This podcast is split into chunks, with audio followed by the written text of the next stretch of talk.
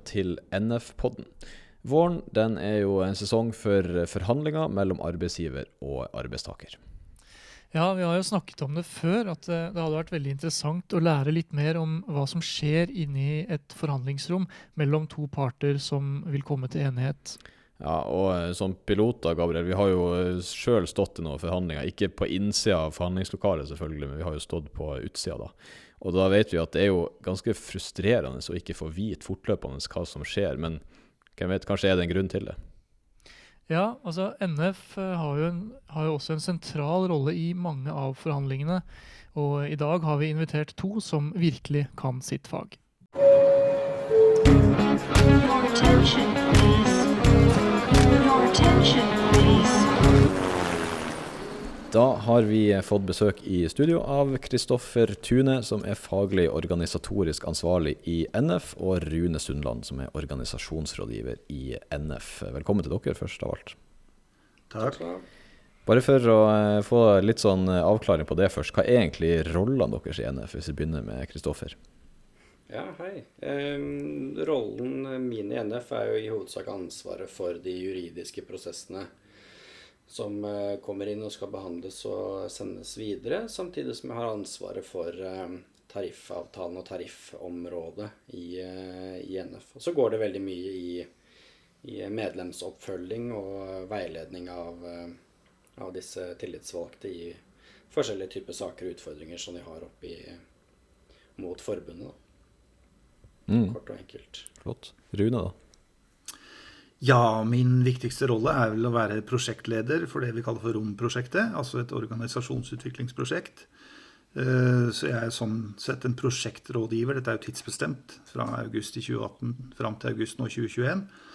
Eh, Men som du sier, i tillegg en rådgiver for forbundsledelsen. Og en del av prosjektmandatet er jo å holde i tariffprosessene til de nye foreningene fram til deres første avtale. Og sånn sett eh, er det jo der Kristoffer overtar da, når, når dette blir eh, en permanent del av det vi driver med. Mm. Så temaet for uh, dagens podkast er jo forhandlinger. Og um, skulle gjerne hatt at dere kunne ta oss med litt på hva som skjer etter at man uh, går inn på forhandlingsrommet og lukker døra. Rune, vil du starte å forklare litt uh, raskt om hva som skjer der inne? Ja, altså helt grunnleggende så er det jo to typer forhandlinger. Det ene er jo de som ikke har en avtale, hvor vi skal etablere en helt ny avtale. Og så er det jo de som allerede har en avtale, hvor man eh, skal gjøre en revisjon, altså det man gjør hvert år og hvert annet år, litt avhengig av hvordan avtalen er skrudd sammen. Eh, Den første eh, prosessen, starte eller etablere en ny avtale, kan ta litt tid. Og der er det jo mye som skal berøres, og mye kunnskap som skal utvikles. Og som regel da eh, så møtes vi hos NHO, i hvert fall hvis dette er en eh, organisert bedrift.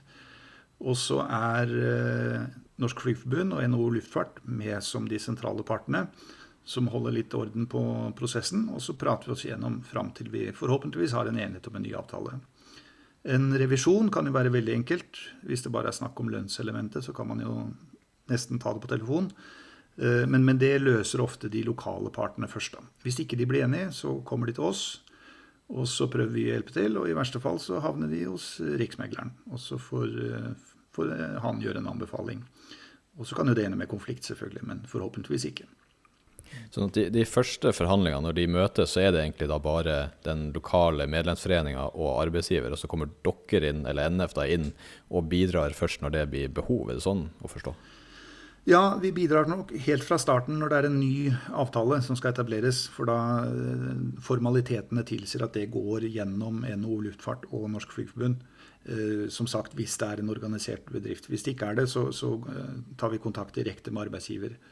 Men ellers er det helt riktig som du sier. Det er jo hva de lokale partene klarer å bli enige om, som er det viktigste. Og så lenge de blir enige, så eh, behøver ikke vi å gripe inn. Det kan jeg jo skyte inn også at i de prosessene hvor vi da innleder en, en ny avtale, så er det jo ofte vanlig at man eh, møtes også helt eh, Kall det uformelt eh, for å presentere seg selv og hvem man er og Og prate litt, litt rundt selskapet og foreningene, hvilke tanker man har litt sånn løst før man liksom starter disse formelle prosessene for å gjøre seg litt kjent med hverandre. Og det er ofte viktig i den startfasen, føler jeg også. Man snakker om at NF nå har en, altså en overenkomst under hovedavtalen. Kan dere forklare litt om hva som egentlig menes med det? Nei, altså det det er mange ting som følger av eh, det at vi nå har en, det vi kaller en overenskomst under hovedavtalen. Mm. Det betyr at vi er en del av eh, NHO og LO-systemet, trepartssamarbeidet som vi har nevnt flere ganger. Ja. Eh, Det tar nok litt tid for enkelte å sette seg inn i det, og det er ikke så rart, for vi fra, vi har sterke tradisjoner der vi kommer fra. Og noen kommer jo fra en virkelighet helt uten avtaler. Eh, Så det er en læringsprosess så vi, som vi også må bli bedre på. Mm. Det er jo mange begreper der ute. altså Man snakker om eh, kollektivavtaler, tariffavtaler osv. Mm. Uh, og, og det er jo fellesbetegnelser som er, eh, kan brukes i, mange sammenhenger. Altså En kollektivavtale betyr jo egentlig bare at den omfatter eh, alle innenfor samme arbeidsområde i bedriften. En tariffavtale er i utgangspunktet noe som regulerer eh, lønns- og arbeidsforhold. Altså dette skal du gjøre, og du får så mye betalt. Eh, Når vi snakker om en overenskomst under hovedavtalen, så betyr det at de sentrale partene, altså for oss i vårt tilfelle Norsk Flygerforbund og NHO Luftfart på den andre siden, i tillegg til deres sentrale organisasjoner, altså NHO og LO sentralt, er parter i avtalen. Eh, Motsatsen til det ville vært en bedriftsavtale, som da er eh, hvor Norsk Flygerforbund godt kan være part, men det er jo bedriften, eieren på den andre siden, som er motparten. Og på vår side da selvfølgelig den respektive flygerforeningen. Eh, Og så har man rene husavtaler hvor det ikke er noen sentrale parter. altså Det er bare den lokale foreningen som har en avtale med sin arbeidsgiver. Eh, Når man eh, går inn på det forhandlingsrommet og lukker døra og skal forhandle eh, eller bidra til en forhandling mellom to parter som skal komme til enighet, hvordan, hvordan er egentlig stemninga der inne? Det, går folk inn med, med flekka tenner, eller er de eh, liksom en sånn vennlig tone og en felles forståelse om å bli enige? Ja, altså Jeg har holdt på med dette år, så jeg har sett eh, alle varianter. Men, men det er jo to måter å gjøre det på. Altså Det ene er jo å gjøre det som en del av dette partssamarbeidet som Kristoffer refererte til. Eh, Det andre er jo at man havner i en forhandling hvor man, hvor man gjør tar det man kan fordi man kan. Altså noe for noe, eller man begynner å bruke makt. Eh, Veldig mange, både arbeidsgivere og arbeidstakere, syns jo det er hensiktsmessig å ha en tariffavtale, altså en, eller en kollektivavtale som gjelder alle. Eh, Fordi det fjerner noe av dette her med å forholde seg til enkeltindivider hvor alle har sine egne meninger og alle har sine egne krav osv. Kjempebelastning på HR-funksjonen i eh, mange selskap, i hvert fall små og mellomstore. Eh, De store er jo nesten nødt til å gå den veien, fordi det blir for stort og uoversiktlig ellers.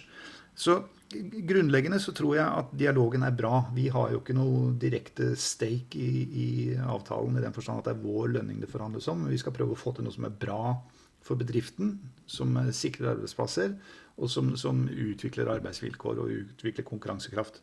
Så eh, grunnleggende så er dialogen god, men det fins også eksempler på hvor dialogen har brutt sammen, og hvor man er, nærmest er i en sånn intern eh, maktstrid. da. Eh, Hva med deg, Kristoffer? Har du opplevd en eh, lignende bredde i, i stemning? Eh, ja, men ikke på hvor langt det er på samme eh, omfattelse over like mye tid og erfaring som, eh, som Rune. Men jeg har jo sett nyanser av, eh, av det ene. Men i all majoritet så har alle de forhandlingene jeg har vært med i, i all majoritet vært innledet i, i en god tone og i en lyst i å finne en løsning. Eh, Jeg tenker også litt av oppgaven, altså, som Rune sa, som ikke vi har en direkte stek i gamet i så måte, men å være opptatt av å forstå motparten, hvor de kommer fra, eh, hva de ønsker å oppnå, og samtidig presentere de ansattes behov og hvor de ansatte kommer. Altså, så vi har denne jeg kaller shared realityen, som vi er så opptatt av ellers i, i bransjen. At vi, vi prøver å orientere hverandre om å få denne fellesforståelsen av eh, hvor partene står hen. Og så er jo oppgaven da å finne gode, pragmatiske løsninger på de utfordringene begge partene eh, presenterer. Så eh, i min eh, mentale prosess i dette, så, så handler det om å være kreativ og prøve å finne løsninger og prøve å finne alternativer til det som blir presentert. Eh, så bak disse lukkede dørene, når man da kommer inn i disse samtalene eh, initielt, så er det ofte da at hver part presenterer sine krav, da i hermetegn hvis det er noen krav, eller hvor selskapet eventuelt står hen, og hvor foreningen står hen, og hvor skoen trykker litt, og hvilket område man må jobbe litt mer på hvis det er en eh, videreføring av en eksisterende avtale i forhold til en, en opprettelse av en ny avtale. For da er det litt mer kanskje hovedfundamentet og rammene for, eh, for eh, foreningen i utgangspunktet, altså dette grunnfundamentet foreningen skal stå på. Så kan man da forhandle videre i de kommende årene ut ifra hvordan avtalen ble skrevet. da. Så er dere jo Altså, det er jo organisert medlemsforeninger eh, fra flyselskaper, både de store, liksom SAS og Widerøe med mange hundre ansatte, til eh, kanskje særlig helikopterselskaper og mindre flyselskaper der det er kanskje bare noen titalls ansatte. Er det noe forskjell i hvor kompleks de her forhandlingene er, avhengig av hvor stort eh, selskapene forhandler på vegne av? da? Chris. Ja, men det er ikke nødvendigvis. Altså, du kan si Jo større bedriften er, og jo så, som ofte så er da en videreføring av en eksisterende avtale. Og eh, produktet av tidligere forhandlinger manifesteres ofte der i denne tariffavtalen og skrives ned. Så du kan si at det kan bli mer og mer kompleks og mer og mer som blir skrevet ned jo mer erfaringer man gjør over tid. Men jeg har jo også opplevd mindre selskaper som har eh, vel så komplekse operasjoner og utfordringer som de, de store. For det er jo ofte da en, eh, en utfordring når verken av partene har hatt et, eh, et eh, forhold til denne tariffprosessen og er eh, uerfarne og, og nye på hvordan dette skal skrives og hvilke formaliteter som henger rundt. Så jeg ser ikke nødvendigvis noe, noe likhet i at det må være stort er vanskelig og lite er lett. Rune, da, hva tenkte du om det her? Nei, altså, Kristoffer har jo rett i det. Og, og jeg syns han peker på noe viktig. Det er jo den derre delte virkelighetsoppfatningen. Den, eh, basert på den så kan det kanskje være lettere å få til gode relasjoner, da, interne relasjoner i et mindre selskap. Altså man jobber tettere sammen, ser hverandre hver dag osv. I et stort selskap så er det ikke sikkert du ser de du, som er ansvarlig for ditt arbeidsområde noen gang i det hele tatt. Kanskje annet enn i forhandling. Så sånn ideelt sett så er det jo et samarbeid om å balansere konkurransekraft opp mot uh, sosial velferd, da, lønn og helse, miljø og sikkerhet, sånne ting. Um, men det kan fort bli, og spesielt i de store selskapene, en sånn uh, rematch på, på gammel moro, for å kalle det det. Altså det fins et slags sånn hevnherjet eh, innbygd i relasjonen. Og er, da blir det vanskelig. Det er, ikke, det er ikke lett. Det er lettere å unngå det kanskje i de mindre selskapene. Eh, ja, altså Når vi snakker om eh, små og store selskaper her, så må jeg bare spørre. For det har jo vært noen forhandlinger i år. Elift eh, ble enig, Widerøe ble enig, og så ble man enig med SAS. Og så leser vi jo da i media at selv etter at man har kommet til enighet med SAS, så, har ledelsen, så går ledelsen ut i media og sier at de var misfornøyd med denne avtalen. Er det vanlig at noe sånn her skjer, etter at partene har blitt enige? Rune? Ja, både ja og nei. Altså, vi har jo Jeg tror vi er oppe i 18 foreninger nå jeg, i forbundet. Så vi har jo fullført forhandlinger både for Helitrans, West Atlantic, Pilot Flight Academy nå på denne siden av, nyttår. Eh, Det pågår fortsatt i Nord Helikopter, OSM Aviation Academy osv. Så, videre. så Så dette her er eh, litt forskjellig fra eh, forening, forening, selskap til selskap. Hva som er vanlig i SAS, det er ikke alltid godt å si. Men jeg tror grunnleggende så skal man huske på at når et selskap eh, uttaler seg i media, så er det ikke de ansatte de snakker til. Da snakker de til markedet, enten kunden eller, eller eh, investorer. Eh, Så der kan man kanskje ofte være best tjent med å bare la det passere. Det som ble vanskelig her, var vel at SAS også uttalte seg internt til de ansatte. Og da blir det jo et anliggende man bør svare på, kanskje. Men eh, om det er lurt å svare på det i media og starte den eh, debatten i media, det blir jo en annen vurdering, da. Men det har sikkert NSF gjort seg gode tanker om. Og så er det jo sånn at i en forhandling så er det det meste i, i prosessen holdes jo hemmelig. Og medlemmene er jo veldig spent og tørster etter informasjon. Hvordan eh, holder man medlemmer i loopen underveis uten å si enten for lite eller for mye? Rune? Ja, eh, da må man skille på to ting. Altså Noe er jo børssensitivt i henhold til aksjeloven. Eh, Og det gjelder jo kanskje spesielt de store selskapene som er børsnotert. Det er jo ikke alle de mindre som er det. Eh, Det andre er jo litt sånn forhandlingstaktisk. Igjen kanskje mer aktuelt for de store selskapene, hvor, hvor dette med å kommunisere direkte med de ansatte kan være et tema. da, På mellomledernivå, f.eks. Bevisst eller ubevisst. Eh, Så det er greit også å holde eh, litt lokk over ting til man er enig, så ikke det oppstår uroligheter. da. Eh, Medlemmen kan bli engstelig eller synes at det beveger seg feil vei, og så oppstår disse såkalte gode kreftene osv. Um, og de fleste har vel da en ganske bra disiplin på at vel, vel, vi sier ikke så mye under prosessen, men, men vi kan diskutere resultatene når det foreligger. Så i utgangspunktet så opplever ikke jeg at det er noe stort problem. Jeg tror, tror medlemmen forstår hvorfor det er sånn.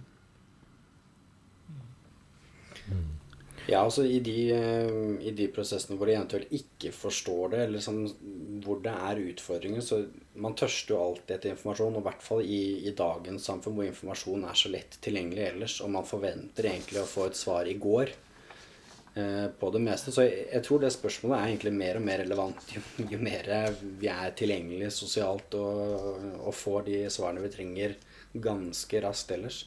Men så må man jo også huske på at i denne prosessen og i denne tariffforhandlingen og de forhandlingene som foregår bak lukkede dører, så, så som Rune sier, så, så kommer det fram veldig mye informasjon. Og hvis det bare skulle komme ut et bruddstykke av den informasjonen, og disse forhandlingene da skulle eventuelt da starte på utsiden av forhandlingsrommet blant kollektivet med det lille bruddstykket som har kommet ut, så kan det være fatalt for selve forhandlingsprosessen, da man ikke har det store bildet. og det bruddstykket eller den biten som eventuelt da kom ut av informasjon, den kan være tatt helt ut av kontekst, kan være misforstått eller ikke sett i sammenheng av noe større, eller vært noe som ikke nødvendigvis er aktuelt lenger i det forhandlingsløpet man nå man har lagt det litt bak seg. Så den informasjonen som kommer ut til medlemmene, den er som oftest så god som overhodet mulig, og så god som god den kan bli, ut ifra hvordan foreningen selv eh, tolker det. Men man kan jo ofte si litt om hvordan samarbeidsklimaet er, og hvordan, hvordan man står, og at det er bevegelser, og at man tar pauser osv. Men mer inngående detaljer blir veldig vanskelig å gi, da man som oftest må ha det hele og store bildet for ja, det berømte store bildet for å kunne forstå elementene i det man, man ser. Og så er det viktig da når man da får et resultat på denne forhandlingen, at man da ser helheten eh, i det som er blitt forhandlet, og ikke nødvendigvis igjen bare disse bruddstykkene i seg selv isolert. For det er som oftest en helhet man forhandler. Har dere vært borti gang at det har eh, vært gjort liksom, eh, kall det taktiske lekkasjer fra en av partene ut til media for å liksom, spille inn på forhandlingene fra utsida? Ja, det, det har forekommet. Eh, Men igjen, da må man jo skille på hvis det er et fungerende, konstruktivt partssamarbeid, så, så er det veldig sjelden at det skjer. Men hvis man har havnet i den der eh, krigssonen, for å kalle det det, da, hvor man prøver å lure hverandre og bruke makt i den grad man har noen makt osv., så, så så kan sånt forekomme. Det kan det. Bare sånn, eh, Vi nærmer oss jo eh, slutten her nå, men eh, vi må jo bare høre først om det her forhandlingssystemet som vi har i dag. Hvordan syns dere at det fungerer? Er det forbedringspotensial, eller er man fornøyd?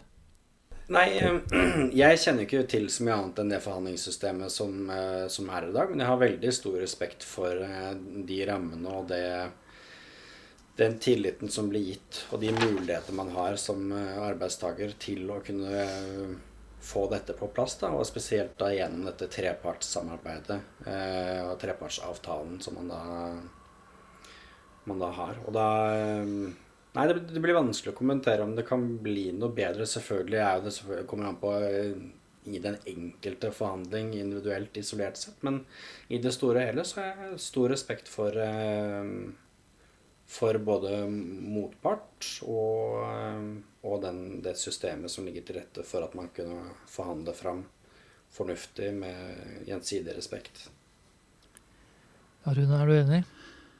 Ja da. Eh, altså jeg har jo vært med helt siden eh, vi, vi stort, luftfart stort sett var basert på kall det såkalte husavtaler, altså mellom eh, arbeidstakerne og direkte med arbeidsgiver, eh, til at vi i dag er eh, en del av den norske modellen, som Kristoffer nevner, eh, hvor organisert arbeidsliv er viktig. og det det ansvarlige partssamarbeidet da, mellom eh, myndighetene og arbeidstakerorganisasjonene og arbeidsgiverorganisasjonene. Og det er ikke noe tvil om at det sistnevnte er det, det, fungerer. Altså det er jo anerkjent over hele verden, for så vidt. Fordelen med det systemet vi kom fra, var jo at det var veldig bra i medgang. Og i den fasen industrien var i dag, med vekst og utvikling, så fungerte det godt på våre vegne. Men eh, som alle andre industrielle faser så kom jo også luftfart eh, til en konsolidering og etter hvert det man kaller for en shakeout-fase, hvor man skal spise opp hverandre, og noen få skal overleve på bekostning av de andre. Eh, og den avreguleringen og, og globaliseringen og den påfølgende fasen tror jeg vi skal erkjenne i ettertid at da, da fungerte ikke dette husavtalesystemet så godt. Eh, da var det viktig å komme seg inn som en del av det organiserte arbeidslivet. Og sånn sett så fungerer jo det veldig fint, syns jeg.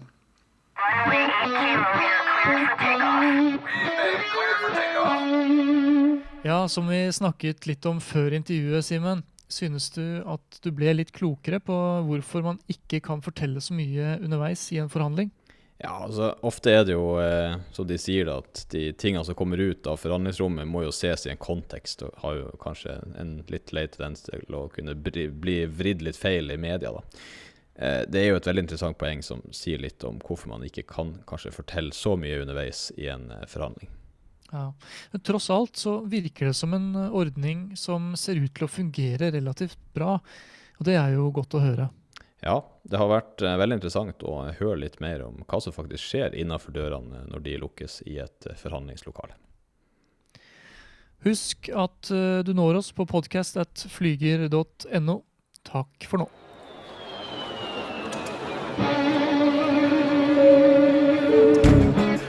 Attention,